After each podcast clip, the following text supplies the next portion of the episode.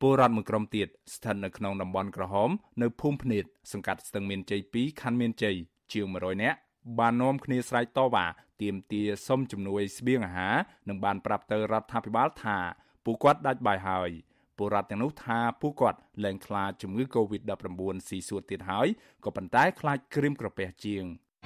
អីបានអីបានអត់អីហូបជាប់នៅហ្នឹងអ្នកភូមិនឹងអត់ទាំងអស់គ្នាហ្នឹងទាំងចាក់ផ្ទះទាំង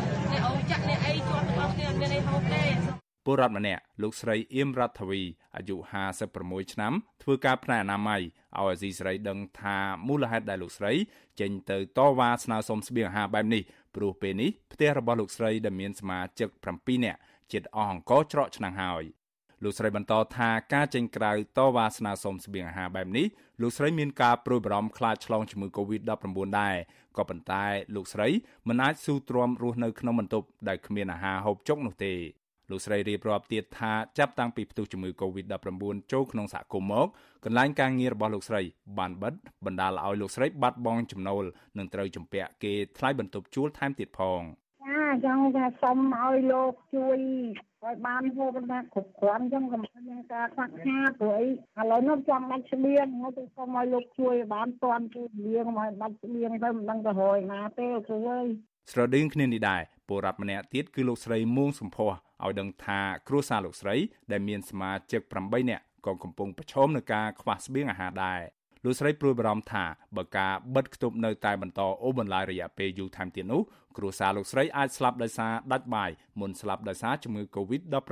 គេ ដើររដូចថាសប្រាប់ធន់ឲ្យលឺថានេះថាគេឲ្យមហត់ទៅនេះនោះថាឲ្យរត់ទៅនោះមកហ៊ានសំណុំពោទៅអាញាធរទៀតហងអូនបានជួបមកមកតូននឹងស្មាទៅដឹងអត់មានអីហូបចឹងមានដាច់ខ្យល់មុនកូនណាបដាបដាអូនហើយបើធ្វើអញ្ចឹងដឹងដល់ថ្ងៃណាមកបាត់ទឹកឲ្យមកទឹកទៀតទឹកឲ្យទឹកទៀតខ្ញុំព្រួយបារម្ភពីកូនខ្ញុំអីខ្ញុំដែរណា រដ្ឋាភិបាលលោកនាយរដ្ឋមន្ត្រីហ៊ុនសែនបានបន្តបិទគប់រាជធានីភ្នំពេញនិងក្រុងតាខ្មៅរយៈពេល7ថ្ងៃថែមទៀតគឺចាប់ពីថ្ងៃទី29ដល់ថ្ងៃទី5ខែឧសភា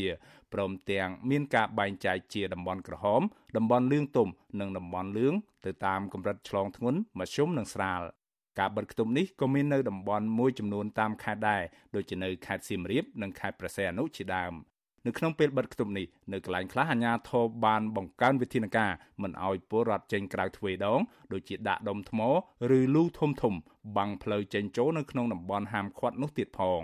ទាក់ទងនឹងបញ្ហានេះអាស៊ីសេរីមិនអាចសុំការបកស្រាយពីអភិបាលក្រុងភ្នំពេញលោកខួងស្រេងនិងអ្នកនាំពាក្យរដ្ឋាភិបាលលោកផៃសិផានបាននៅឡើយទេនៅថ្ងៃទី30ខែមេសាដោយទូរស័ព្ទហៅចូលតែពុំមានអ្នកទទួល ទោះយ៉ាងណាអ្នកនាំពាក្យគណៈបកប្រជាជនកម្ពុជា លោកសុកអេសានយល់ថាការទៀមទាជំនួយស្បៀងអាហាររបស់ពលរដ្ឋពេលនេះគឺជាសិទ្ធិសេរីភាពនិងជាមធ្យោបាយរបស់ពលរដ្ឋនៅក្នុងការជូនដំណឹងទៅអាជ្ញាធរឬអ្នកពាក់ព័ន្ធឲ្យបានដឹងលោកជឿថាក្រោយដឹងការទៀមទារបស់ពលរដ្ឋបែបនេះហើយអាជ្ញាធរមូលដ្ឋាននិងអ្នកពាក់ព័ន្ធកំពុងរៀបចំស្បៀងអាហារបញ្ជូនទៅឲ្យពលរដ្ឋហើយ។ ចឹងណាដូចជាយើងដឹងថាមនុស្សរាប់ពាន់រាប់ម៉ឺននេះមិនមែនដោះស្រាយបាន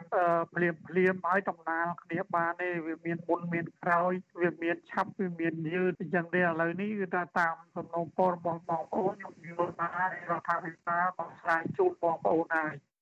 ជុំវិញរឿងនេះនាយិកាមជ្ឈមណ្ឌលសិទ្ធិមនុស្សកម្ពុជាហៅកាត់ថា CCHR អ្នកស្រីចောက်សុភិបបានសរសេរនៅលើទំព័រ Facebook របស់អ្នកស្រីដោយចោទជាសំណួរថា តើហេតុអ្វីបានទាល់តែពលរដ្ឋចេញតវ៉ាទើបអាជ្ញាធរសន្យាដោះស្រាយ